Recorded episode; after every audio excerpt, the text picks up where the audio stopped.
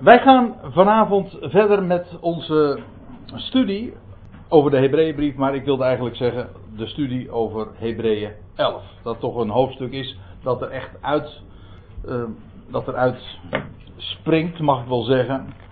Een hoofdstuk dat gaat over de geloofsgetuigen, zo staat het in mijn MBG-vertaling erboven. Een bekend hoofdstuk. Ik denk wel eens dat de, de aanleiding, de context waarin het staat, veel minder bekend is. En waarom het juist hier staat en wat de betekenis is van dit hoofdstuk in dit grote geheel. Daar heb ik eh, de voorgaande keren ook al wat op gewezen. Want het is natuurlijk niet zomaar dat de schrijver al die mannen en vrouwen ten tonele voert. Het is juist omdat de apostel had geschreven in, in Hebreeën 10. Misschien is dat goed nog om dat even dan te memoreren. Dat hij daar ook had gezegd van ja, waar het om gaat is dat we, nou lees ik voor, in vers 38, dan citeert hij ook uh, de, de Tenach, Habakkuk 2, mijn rechtvaardige zal uit geloof leven. Een rechtvaardige dat is per definitie iemand die gelooft. Een gelovige is een rechtvaardige en omgekeerd een rechtvaardige is een gelovige. Dat zijn inwisselbare begrippen. Een rechtvaardige die leeft uit geloof.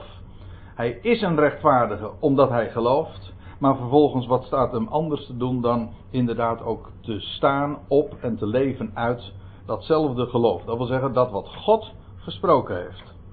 Nou, en aan de hand daarvan komt dan die definitie, zeg ik tussen aanhalingstekens in vers 1 en 2, over wat dan geloof is. Het steunt op wat men. Was het? Het geloof nu is het de aanname van dat wat verwacht wordt en de overtuiging van zaken die men niet ziet. En dan begint de schrijver over Abel. Hij begint vervolgens over Henoch te spreken. Dat hebben we de vorige keer ook behandeld. Dan krijgen we de figuur van Noach, die een reusachtig schip moest bouwen op het droge. En omdat God had gezegd, de hele wereld zal verwoest worden door water.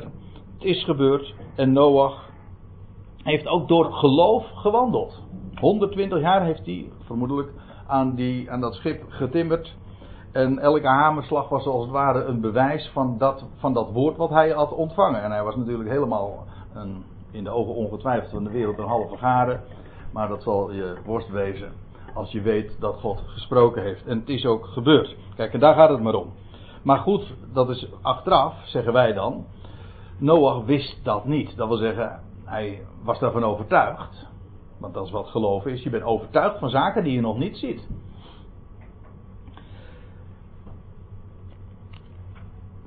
En dan volgt vervolgens na Noach Abraham. En de schrijver gaat eigenlijk ook met zeven mijls lazen door, door het Oude Testament. En zijn lijst in dit hoofdstuk is alles behalve compleet. Dat lees je ook aan het einde van dit hoofdstuk. Dat hij dan ook zegt van ja, wat uh, valt hier nou eigenlijk nog aan, aan toe te voegen. Ik uh, lees nu eventjes, ook eventjes gewoon bladeren door dit hoofdstuk en door deze brief. Er staat er in vers 32. En wat moet ik nou nog verder aanvoeren? Immers, de tijd zou me ontbreken als ik ging verhalen van Gideon, van Barak, van Simson, van Jephthah, van David, van Samuel, de profeten.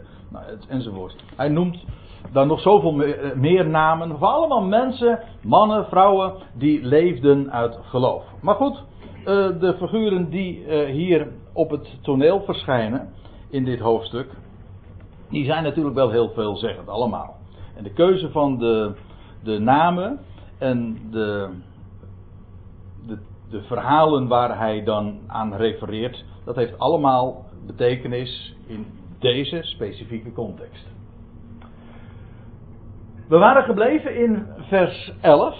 Dat was het laatste vers wat we hebben besproken. Daar ging het over Sarah de vrouw van Abraham, door het geloof heeft ook Sarah, dat was als het gaat om vertaling wat een uh, wat iets gecompliceerder vers. Maar daar hebben we het al over gehad, dus dat ga ik niet nog eens een keertje dunnetjes over doen. Door geloof heeft ook Sarah, vorstin, dat betekent zijn naam, kracht ontvangen om moeder te worden. Eigenlijk kracht eh, tot zaaduitstorting, tot nederwerping van, staart, van zaad staat er. En dat ondanks haar hoge leeftijd. Ze was A, onvruchtbaar, B, was ze al inmiddels 90 jaar. En ging haar niet meer naar de wijze der vrouwen, et cetera. Kortom, naar medische, naar gynaecologische, naar wetenschappelijke maatstaven was ze volstrekt ongeschikt om nageslacht voor te brengen.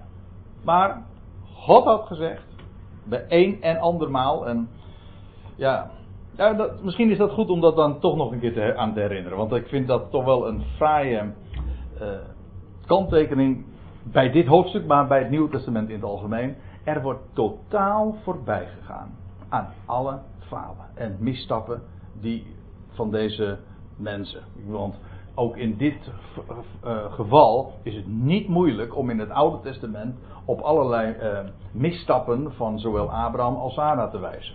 Dat is niet moeilijk. Maar in Hebreeën en in het Nieuwe Testament in het algemeen wordt daar nooit meer aan teruggedacht. God herinnert daar nooit meer aan. En dat is op zich alweer zo'n hele veelzeggende, ook met recht, nieuwtestamentische waarheid. Namelijk dat God de zonde en de misstappen niet gedenkt. Door geloof. En al was dat misschien soms helemaal niet zo buitensporig groot en zelfs minimaal. Een mosterdzaadje om zo te zeggen. Zo klein. Ja, maar als je steunt, als je refereert aan en je beroept op zijn woord, op wat hij gezegd heeft, dat is alles bepalend. Door geloof is hij, ondanks haar hoge leeftijd, daar zij hem die het beloofd had, betrouwbaar achter. En daar gaat het maar om. Hij had beloofd, dus hij vervult het. That's it. In die zin is het verhaal natuurlijk buitengewoon simpel. Ja. Nou, dan zetten we de draad voort. Het verhaal voort en dan staat er in vers 12. Daarom zijn er ook uit één. Het gaat om een, een man. Dat is een mannelijk woord in dit geval. Daarom zijn er ook uit één. Het gaat dus uitdrukkelijk in dit geval over Abraham. En wel uit een verstorvene. Voortgekomen. Verstorven. Hij was niet gestorven. Maar hij, het doodsproces was in zijn lichaam werkende. Versterven. Ik herinner me nog dat is alweer een hele tijd geleden, dat we bij de bespreking van de Colossensebrief daar ook nog aandacht aan hebben gegeven. Aan dit specifieke woord. In Hebreeën 11 vers 12. Verstorvenen. Dat was toen, misschien is het wel leuk om daar eventjes in dit geval ook uh, nog even aan terug te denken. Want daar staat in Colossense 3 vers 5. Dood dan de leden die op de aarde zijn. Weet u nog? Ik zie niet heel veel herkenning. Nou, dan is het eh, een reden te meer om, uh, om dat inderdaad nog eventjes te, uh, aan te herinneren. Maar er staat dood dan de leden die op de aarde zijn. Nee, nee ik neem u even mee. Even dit misstapje. Een misstapje moet je mij nou. Dit zijstapje. Een uitstapje is dat is het. Goh. Het is een volmaakt man die niet in zijn woorden struikelt, nietwaar? Ja, er staat in Colossense 3 vers 5 dood dan de leden die op de aarde zijn. En dat, maar het woord wat daar gebruikt wordt, dat is uh, het, van dezelfde stam als wat hier vertaald wordt met versterven.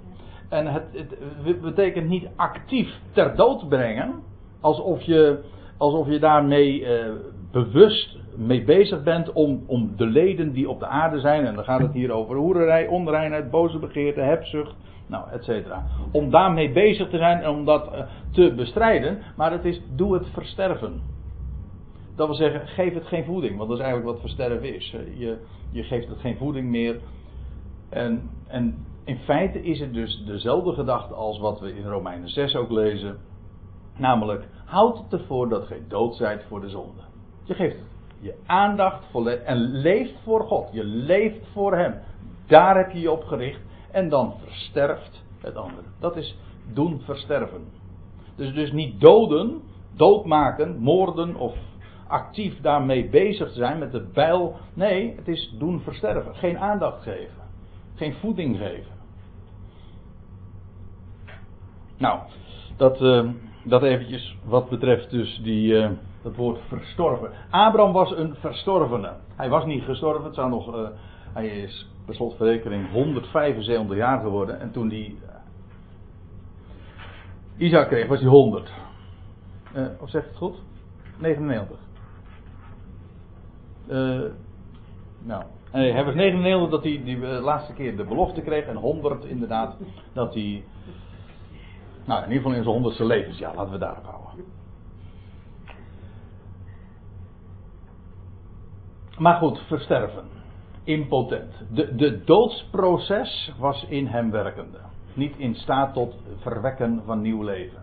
Wel, uit één iemand en wel een verstorvene zijn voortgekomen als de sterren des hemels. Maar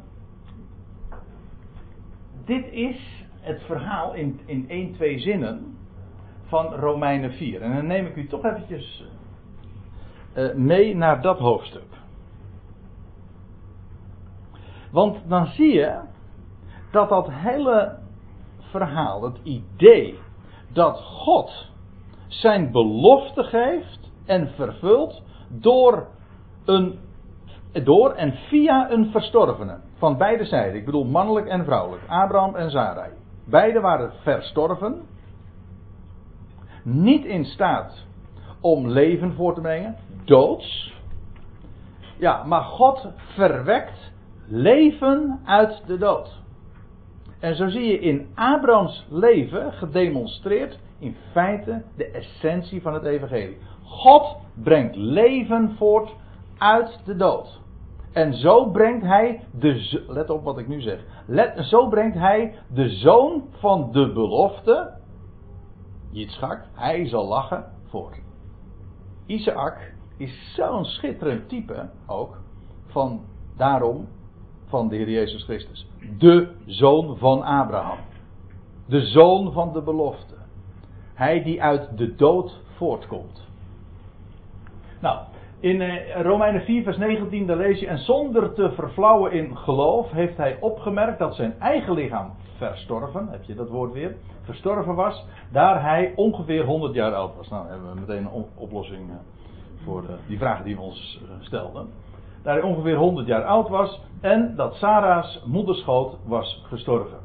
Maar aan de belofte van God heeft hij niet getwijfeld door ongeloof maar hij werd versterkt in zijn geloof en gaf God de eer. En hoe geef je God nou de eer?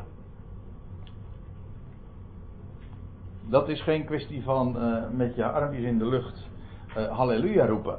Hoe gaf Abraham? Nee, ik zeg daar niks mis mee. Het is prachtig natuurlijk om uh, God de lof toe te brengen. Maar wat is God nou de eer geven? Nou, dat staat er meteen ook bij. Namelijk, hij werd versterkt in zijn geloof. En zo gaf hij God de eer. Namelijk in de volle zekerheid. Dat hij bij machten was. Hetgeen hij beloofd had ook te volbrengen. Dat is God de eer geven. Beamen dat hij in staat is om te doen wat hij belooft. Daarmee geef je hem in alle opzichten de credits. In de eerste plaats doordat hij doordat je hem betrouwbaar acht. Hij doet wat hij zegt. Maar bovendien geef je daar hem ook de eer als God. Namelijk degene die alvermogend is. Die in staat is om uit de dood leven voor te brengen. En het onmogelijke te doen. Trouwens, dat wordt ook ergens eh, in, eh, in die geschiedenis van Abraham ook letterlijk zo gezegd. Zou voor de Heere, zou voor Yahweh iets te wonderlijk zijn. Dat is de waarheid. Hij gaf God daarmee inderdaad de eer. Nou, dat is Romeinen 4. En dan. Uh, ja, wacht even, ik lees nog even verder. Daarom, want eh, ik moest namelijk nog één ding aantonen. En dat is. Waarom die Isaac, de belofte van Isaac. Of de belofte van de komst van Isaac. En de wijze waarop hij geboren werd. Namelijk een onmogelijke geboorte dat is, daarin is hij een type van de Heer Jezus. Dat zegt ook Paulus in Romeinen 4. Daarom ook werd het hem, Abraham, gerekend tot gerechtigheid. En dan komt het. Echter, niet om zijnentwil alleen werd geschreven, het werd hem toegerekend, maar ook om onzentwil.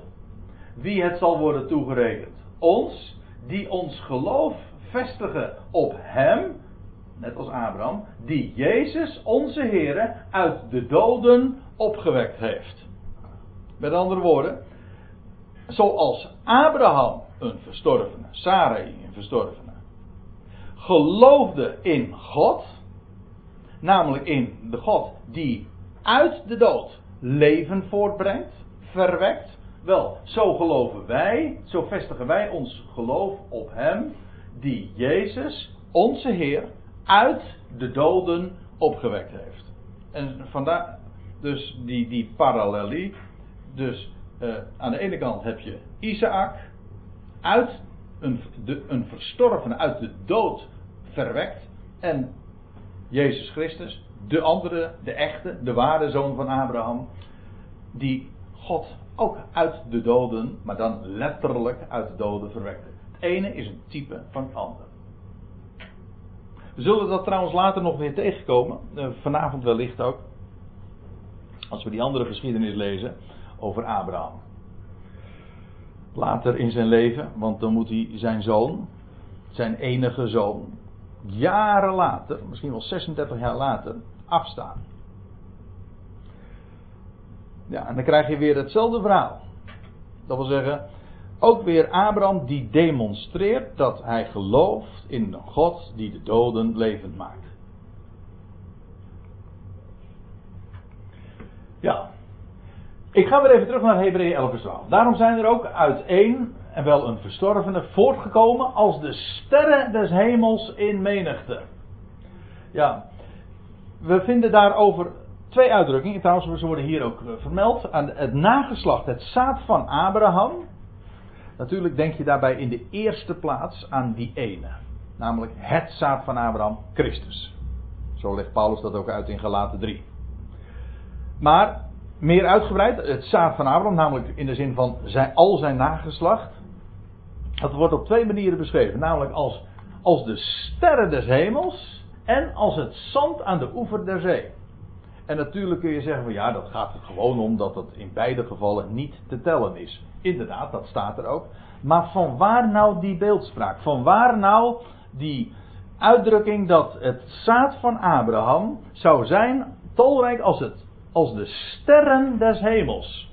Het lijkt mij niet zo moeilijk als je zicht hebt uh, op, het, op het geheel van de Bijbel en met name dan zicht hebt op de boodschap van Paulus. Die spreekt over ons, die in Christus ook het zaad van Abraham zijn. Immers, wij zijn toch in Christus, het zaad van Abraham. En welk, welk deel hebben wij ontvangen? Het hoogste deel, ik bedoel dat letterlijk en figuurlijk. Het hoogste deel, namelijk een hemelsdeel. Wij zijn als die sterren des hemels. En dat verwijst naar het hemels nageslacht van Abraham. Dat is maar niet zomaar omdat het ontelbaar is. Nee, het heeft ermee te maken dat een deel van Abrahams nageslacht ook een hemelse toekomst heeft. En zo zie je dat die hemelse toekomst van de Ecclesia in Christus, verbonden met hem, verborgen is in zo'n uitspraak, in, zo'n, in die belofte die aan Abraham al, maar ook aan Isaac en Jacob, want ze worden bij voortduring herhaald. Dat wat God gezworen had, dat ligt uh, typologisch al vast uh, in, in deze belofte. Als de sterren des hemels. En je kan zo hier uh, passages uit de Efezebrief, uit de Colossensebrief halen. gezegend zij onze God en Vader die ons gezegend hebben met alle geestelijke zegen te midden van de hemelse. Als de sterren des hemels. Zo, zo op die wijze. De van de hoogste orde. Een ander opzicht zegt Paulus trouwens ook nog dat wij uh, als sterren des hemels zijn. Dat zegt hij dan in de Filippenzen 2. Namelijk dat, we, dat het vandaag donker in de wereld is. Sterren zie je alleen maar als het uiteraard nacht is. Wel, het is nacht in de wereld. Straks gaat de zon op en dan wordt het dag. Maar nu is het nacht in de wereld en wij schijnen als sterren in de wereld. Niet met de bedoeling om de duisternis te verdrijven. Die functie hebben de sterren helemaal niet. De sterren hebben de functie om te midden van de duisternis te stralen. als schitterende lichtjes. En de bediening van de zon, dat is een heel andere. Die heeft inderdaad de bedoeling en als functie om de, duisternis te verdrijven. Maar alles op zijn tijd. Maar goed, uh, het nageslag van Abraham dat zou zijn als de sterren des hemels in menigte. En gelijk het zand aan de oever van de zee dat ontelbaar is. En uiteraard in beide gevallen wordt er de nadruk gelegd op het feit dat het niet te tellen is. Maar de, de vergelijking, de, de typologische verwijzing naar aan de ene kant, naar de bovenkant, de sterren des hemels en aan de andere kant, de onderkant, het, het zand aan de oever van de zee, dat is wel veelzeggend. Want dat zand aan de oever van de zee, ja, dat is weer een beeld van Israël. Het is een beeld van Israël dat aanspoelt vanuit de Volkerenzee. Dat is mooi, want de, de zand. Uh, uh, nou ja, we zitten hier in gemeente Katwijk, per slotverrekening, dus het is wel, wel leuk om daar even in dit verband ook aan te wijzen. Aan de zee heb je het strand en daar, en daar het, het, zand. Maar dat zand dat is aangespoeld vanuit de zee. Wel, zo is het met Israël ook. Als God straks zijn belofte gaat vervullen aan, aan de, de belofte namelijk van Abraham. En, en, Israël gaat herstellen en dat, dat vrederijk zal aanbreken. Wel, wat gebeurt er dan met Israël? Wel, het zal vanuit de Volkerenzee aanspoelen op het land.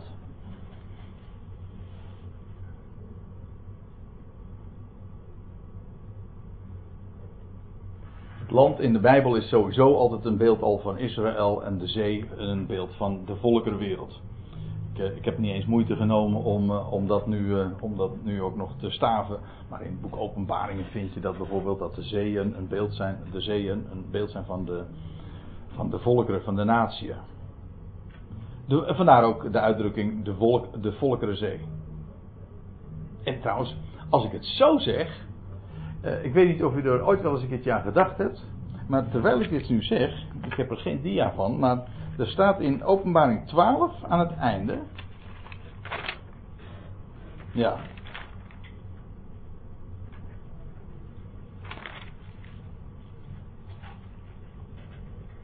Ja, ik wou zeggen, het, is, het staat er niet meer, maar het staat er nog steeds. Ja. uh, in openbaring 12 nou, dat is dat profetische boek. Waar het vooral ook gaat over Israël en hoe Israël in de, op Gods tijd een, een, een koninkrijk van priesters zal, worden. Te midden van de volkerenwereld. Nou, openbaring 12, dat, ik ga dat nu niet uitleggen, maar dat gaat over, over uh, de vrouw. Die een mannelijke zoon baart. Die vrouw, die, dat blijkt Israël te zijn. Die vrouw die vlucht dan naar de woestijn. Daar wordt ze 1260 dagen bewaard. Dat is openbaring 12. Openbaring 13, daar gaat het over de, het beest dat uit de zee, let op, het beest dat uit de zee voortkomt. Uit de natieën. Een beestachtig koninkrijk, een Babels koninkrijk dat straks ook daadwerkelijk uh, zich zal gaan manifesteren. Nou, en tussen beide beschrijvingen, in openbaring 12 en 13, dan lees je dit, deze merkwaardige zin. Moet je opletten wat er staat. Helemaal aan het slot van openbaring 12. Alleen moet je het dan wel lezen zoals de, eh, en de, de MBG-vertaling dat zegt. Tenminste, dat lijkt mij het meest duidelijk. Pardon, de, ik, nou vergis ik me, de Statenvertaling. Er staat, en ik stond op het zand der zee. Zo staat het. Dat is, dat is het uh, einde. Staat ook in de Telosvertaling zo? En ik, ik stond. Of hij stond. En het getuigenis van ja? Jezus hebben. En hij ging op het zand van de zee staan. Oh, hij ging staan. Oké. Dan laten we eventjes in het midden van uh, wie het was. Het gaat me even om dat hij, hij stond daar. Hij stond daar, of dat nou Johannes zelf was of de, die draak, dat doet u even, uh, dan even niet ter zake. Het gaat erom, sorry? Ja, het is op vers 1 van 13. Oh, bij, in de MBG is het het laatste van 12. Dus ook dat is al een beetje verwarrend. Maar het, e- de enige reden waarom ik er nu even naar verwijs, is dat Openbaring 12 spreekt over Israël en over het feit dat het in het land gebracht wordt. Openbaring 13 spreekt over dat koninkrijk, dat beestachtige rijk dat uit de natieën zal voortkomen, uit de zee. En dan staat er precies daartussenin, en hij stond op het zand der zee.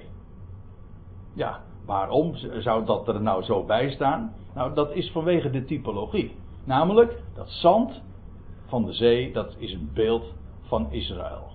Dat weer teruggekeerd is naar haar land. Aangespoeld vanuit de volkeren. En dat die zee inderdaad dan ook daadwerkelijk verwijst naar de volkerenwereld, dat blijkt dan ook vervolgens in hoofdstuk 13. Waar dat beest uit de zee verschijnt. Nou, ook dat was even een zijstapje. Maar Israël, of dat zaad van Abraham, wel dat heeft twee kanten, twee aspecten. Een hemels aspect, een aards aspect.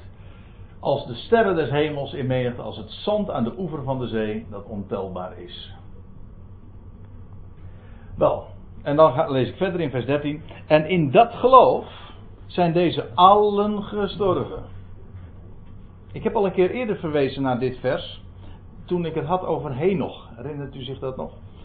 Toen eh, verwees ik naar dit vers omdat dit ook aangeeft dat als dit een terugblik is op de, al die figuren die tot dusver de revue hebben gepasseerd, namelijk Abel, Henoch, Noach, Abraham, wel, Sarah, niet te vergeten. In dat geloof zijn deze allen gestorven. Hé, hey, allen. Dus ook Henoch. Nou, daar hebben we het toen over gehad. Dat was de vorige keer of die keer daarvoor. Dat hij inderdaad Henoch ook wel degelijk is gestorven. Maar hij is overgezet. Maar goed, dat ga ik nu niet nog een keertje doen. Maar in elk geval, het gaat hier, deze allen, dat zijn alle eerder genoemde in Hebreeën 11. Maar dat betekent dus ook, als ik dat woord allen letterlijk neem, en dat, daar hou ik van. Uh,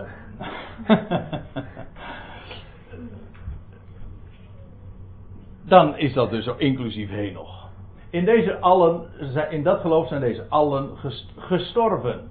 Dat wil zeggen, ja, het idee is, ze leefden in geloof, maar zij stierven ook weer in datzelfde geloof. Niet gefrustreerd, integendeel. Als je gelooft namelijk in wat God zegt, dan, dan, en je gelooft in een God die de levende God, die de dood trotseert, dan is de dood totaal geen enkele hinderpaal. Integendeel, je, je, je focus is helemaal gericht op dat wat voorbij die horizon ligt. En is de totaal geen, geen blokkade daarin. Wel, in dat geloof zijn deze allen gestorven. Zonder de belofte, dat wil zeggen zonder de vervulling van de belofte uiteraard, verkregen te hebben. Ze hadden wel een belofte op zak, dat was nu juist het hele verschil. Maar zonder ook maar iets te hebben gezien van de vervulling daarvan. Slechts uit de verte hebben zij die gezien en begroet. Ja, ik heb een, een plaatje hier nu gemaakt dat is misschien een beetje misplaatst in die zin dat dit een plaatje moet voorstellen van de hey, ik zie sommigen nu erg turen, maar dat is, moet uh, Mozes voorstellen die op de berg Nebo staat. Maar het is niet helemaal ter zake en aan de andere kant toch wel weer ter zake.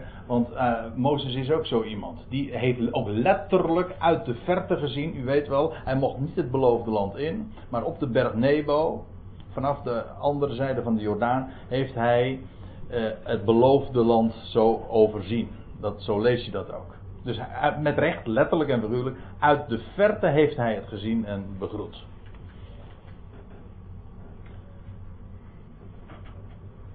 En, en uh, als je de verte nou even niet in, uh, term, in ruimtelijke termen ziet, maar in tijdelijke termen, dat wil zeggen in de verte, dat wil zeggen hij wist het gaat komen. Hij heeft in de, de, de, de tijden heeft hij overzien. Ook hoe ver het nog in de toekomst zou liggen, dat maakt geen verschil. Als je, als je gelooft, dan word je op, op de hoogte gesteld. Ja, ik ben al erg bezig met het onderwerp van de, het Goed Bericht Weekend. Dat is inderdaad op de hoogte. En dan heb je uitzicht en dan word je op de hoogte gesteld zoals Abraham, zoals, ja, nou ja, niet alleen Mozes hoor. Vele mensen die werden op de hoogte gesteld. Leuk woord hè. Op de hoogte gesteld en wat heb je dan? Dan heb je uitzicht. Heb je ook vergezichten. Kun je dingen zien die je in het dal niet ziet. Daar zie je meestal niet zoveel. Daarom noemen we het ook een dal. Goed, slechts uit de verte hebben zij die gezien. Al, en begroet. En ze hebben beleden. Dat wil zeggen, beleden, dat betekent er openlijk voor uitgekomen. Ze generen zich daarvoor niet, in tegendeel. Ze hebben beleden dat zij vreemdelingen en bijwoners waren op aarde.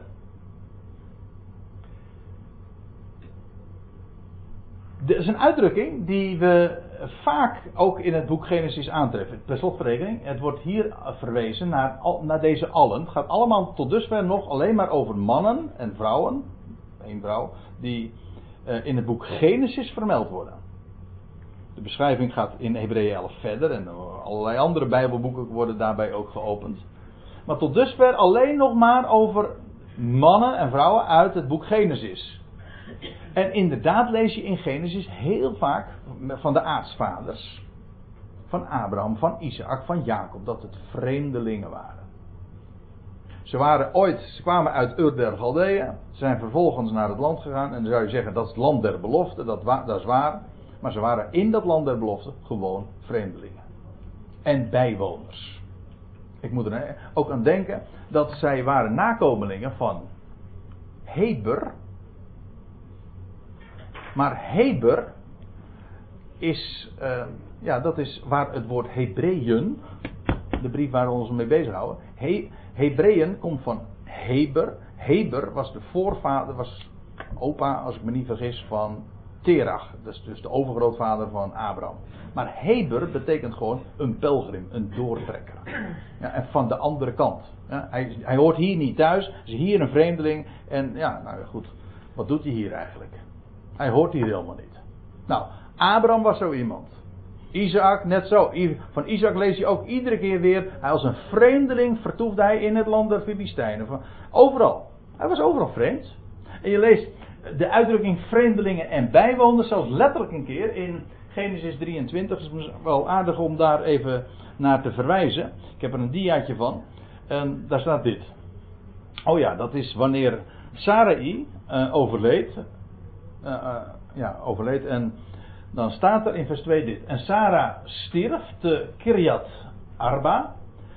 Dat is Hebron, het latere Hebron. Waar trouwens zij inderdaad een graf kreeg. In het land Canaan. En Abraham ging naar binnen om over Sarah te weeklagen en haar te bewenen. En toen stond Abraham op. Ja, want dat hoort er ook bij natuurlijk. Toen stond hij op, ging heen van zijn doden en sprak tot de Hethieten: Een vreemdeling en een bijwoner ben ik bij u. Geef mij uw eigen grafsteden bij u, opdat ik mijn doden mogen uitdragen en begraven. Abraham bezat niets in het land. Helemaal niets. Het enige wat hij bezeten heeft is inderdaad dit. En dat is wat hij uitdrukkelijk ook als vreemdeling en bijwoner vraagt. Hij eist het niet op, hij vraagt het. Mag ik dan een graf? Het enige wat hij had. Maar juist het feit dat hij daar een graf koopt in Hebron. Ik denk, God is mijn vriend, Gabber. Ja, God is mijn vriend. Maar goed. Of nee, nee, ja, nou, nee, Hebron is eigenlijk, uh, betekent gewoon hetzelfde stam als Gabber, vriend.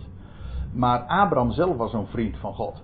Maar het feit dat Abraham hier een graf koopt, dat is niet voor niks. Want later werd Abraham daar zelf ook begraven en Jacob is daar begraven. En vervolgens Jozef, het gebeente van Jozef, komen we ook nog op, is ook daar begraven. Waarom? Dit is het land van de belofte. Dit geeft God. Hier willen wij een graf. En al hebben we het in ons eigen leven dan niet de vervulling daarvan gezien. God vervult zijn belofte. Of ik nou dood ben of niet, dat maakt helemaal niet uit. Hij werkt namelijk toch uit, op uit de doden. Kijk, dat is geloof.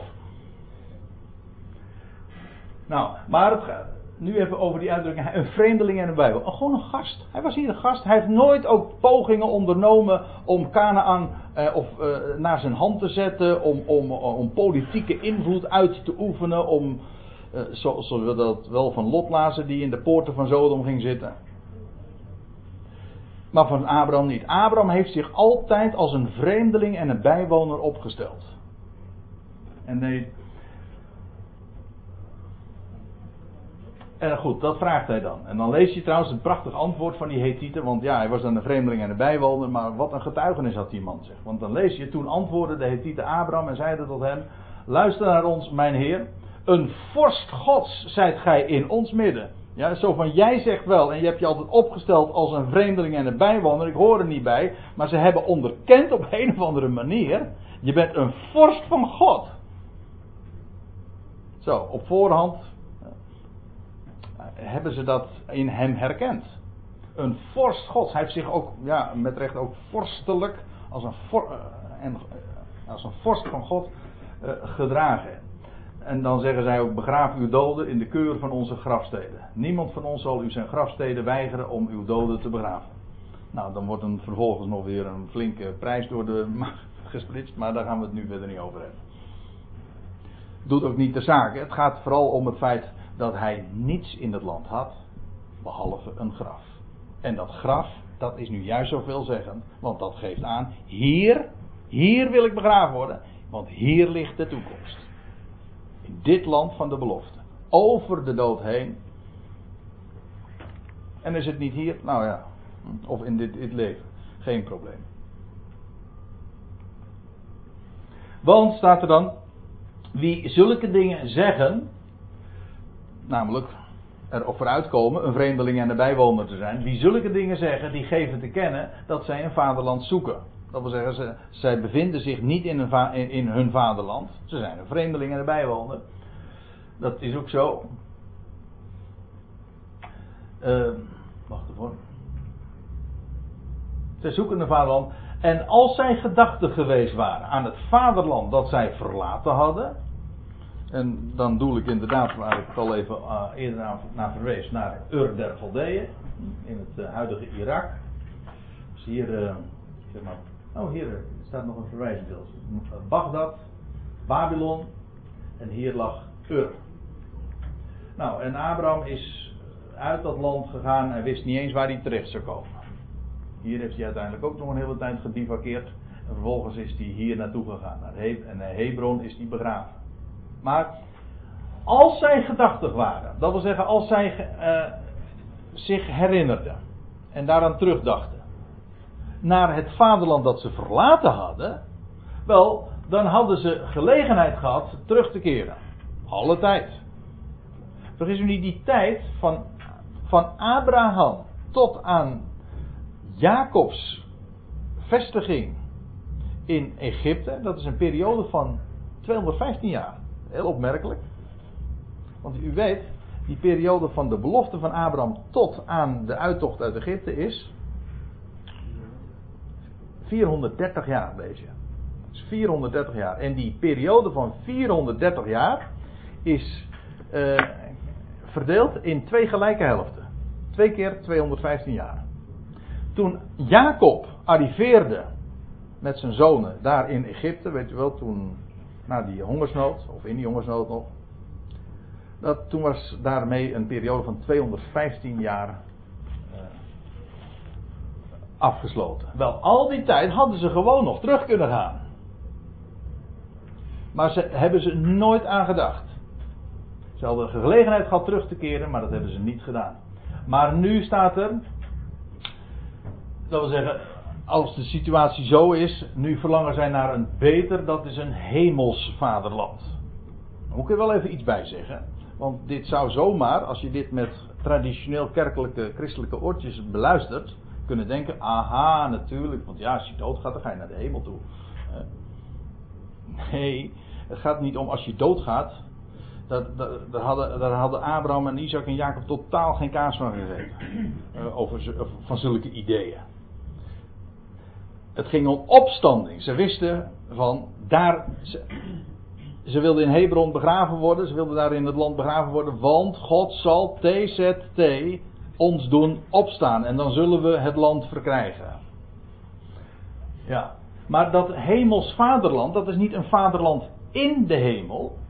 Dat is Het is niet een land in de hemel, zoals het koninkrijk der hemelen is ook niet een koninkrijk dat, eh, in de hemel. Dat heeft, uh, ja, als je een uh, rooms-katholieke vertaling hebt, hoe heet die ook weer? De, de Willibrord vertaling. Dan wordt het geloof ik het Rijk der Hemelen genoemd. Maar, of het Hemelrijk. Nou, het, ja, het Hemelrijk, ja. Maar het is. Hè? En dat is toch echt op aarde, hè? Het Hemelrijk. Ja. Overroerrijk. Ja, ik ken ook een schrijfster die heet Hemelrijk. Zo, zo, ja, ik zou, zo, zo, zou ik graag willen heten. Vind ik heel wat mooier dan Piet. Ja, Hemelrijk. Schat Hemelrijk.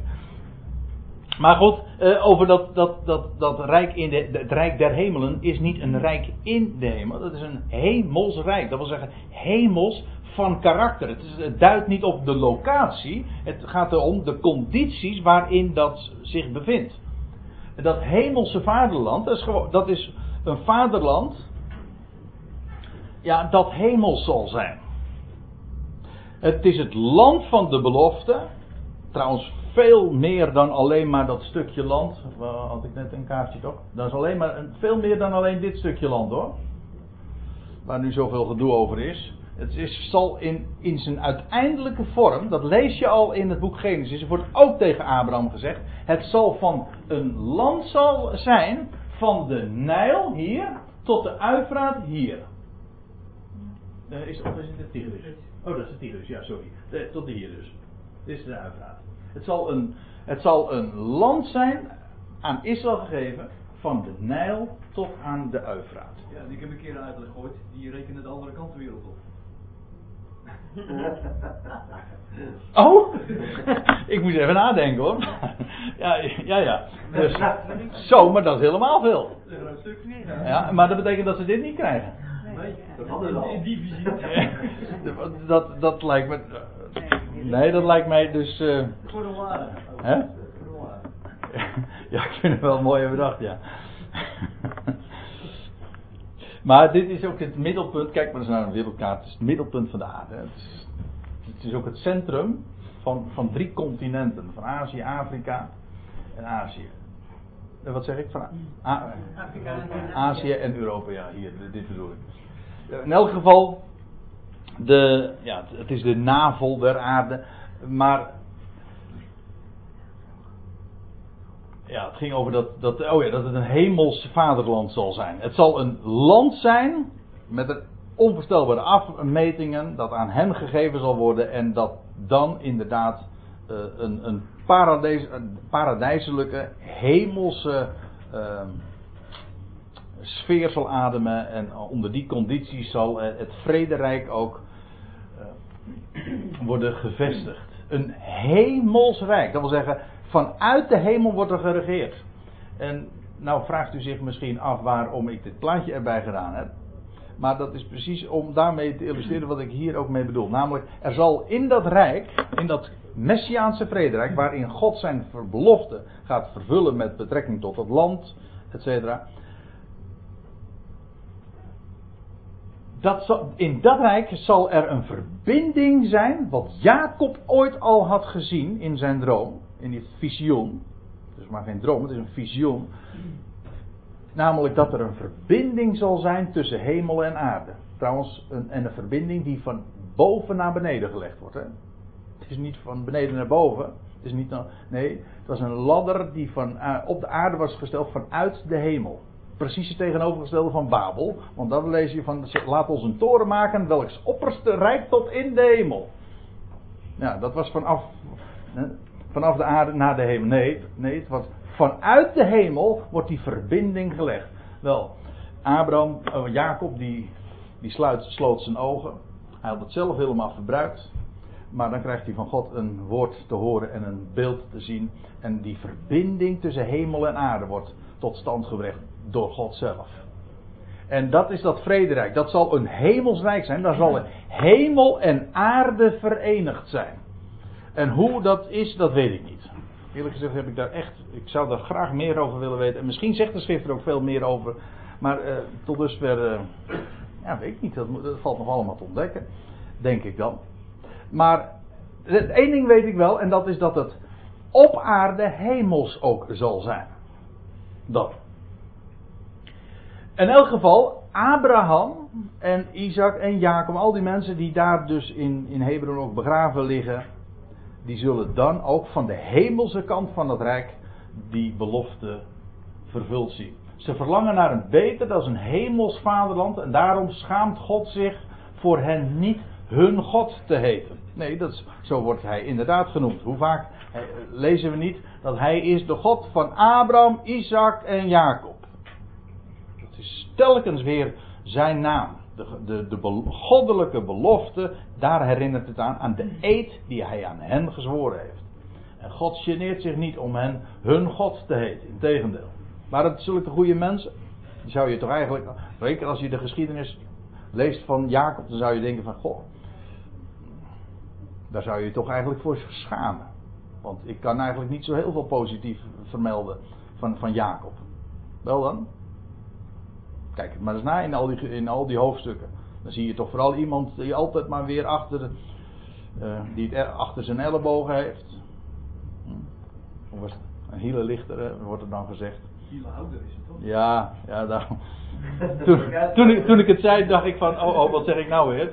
Want uh, iemand die uh, inderdaad de broer, de, de hiel van zijn, vader, van zijn broer vasthoudt. Ja. Hij laat zijn broer nooit los. Hij laat zijn broer nooit los, ja. Ja, je kunt het ook inderdaad positiever uitleggen. Maar laten we wel wezen. Ik bedoel het nu gewoon even uh, vrij simpel. Lees die hoofdstukken na. Nou, gewoon na.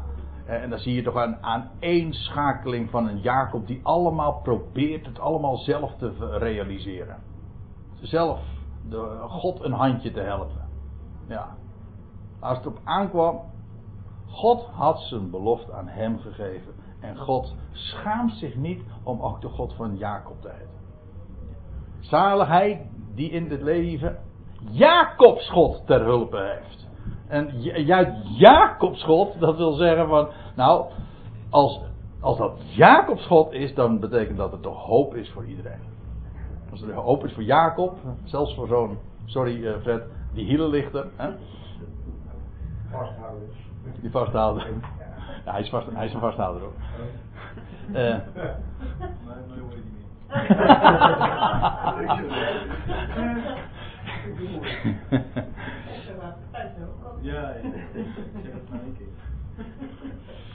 nou, dan gaat mevrouw ook nog in de gemeente. Nou, hou je dan vast. hou je dan vast.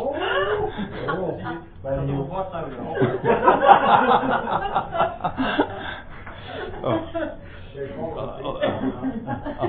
Nou, ik, maar ik vrees dat degene die nou dit mp3'tje hebben laten beluisteren, dat hij er niet helemaal meer een touw Ik dat mijn genomen wordt. microfoon in de zaal moet. Ja. Nou, een open podium, ja, dat zou misschien wel een goed idee zijn. Nee, dat doe ik liever bij een publiek wat wat zwijgzamer is. En mij niet tegenspreekt. God schaamt zich niet eh, voor hen hun God te heten, want staat er, hij had hun een stad bereid. En staat hier in de, in de vertaling in de verleden tijd, maar het staat in het Grieks in de aorist, en dat wil zeggen in een feitvorm. God bereidt hun een stad voor. Eh, of een, een hij bereidt hun een stad, ongeacht wanneer. Het gaat er dus niet zozeer om dat dat gebeurd is, want het is nog steeds deze stad waar het hier over gaat, die toekomstige stad, dat hemelse Jeruzalem, en dat vanuit de hemel zal neerdalen, dat is een toekomstige stad. Dat verzin ik niet, dat staat letterlijk zo in Hebreeën 13, vers 15. Als ik me niet vergis, vers 14 of 15. De, toekomstige stad staat er. Wel, die stad bereidt God. En als hij dat doet, wel. Hij, we lazen al eerder daarvan. Hij is daarvan, van die stad, zowel de, de kunstenaar, dat wil zeggen de architect, en ook de bouwmeester. Hij bedenkt het, hij ontwerpt het. Oh ja, de ontwerper en de bouwmeester. Hij maakt het ook. Hij, doet het. hij neemt het ook allemaal weer voor zijn rekening. Zullen we daar even bij laten? Dan gaan we straks verder met vers 17.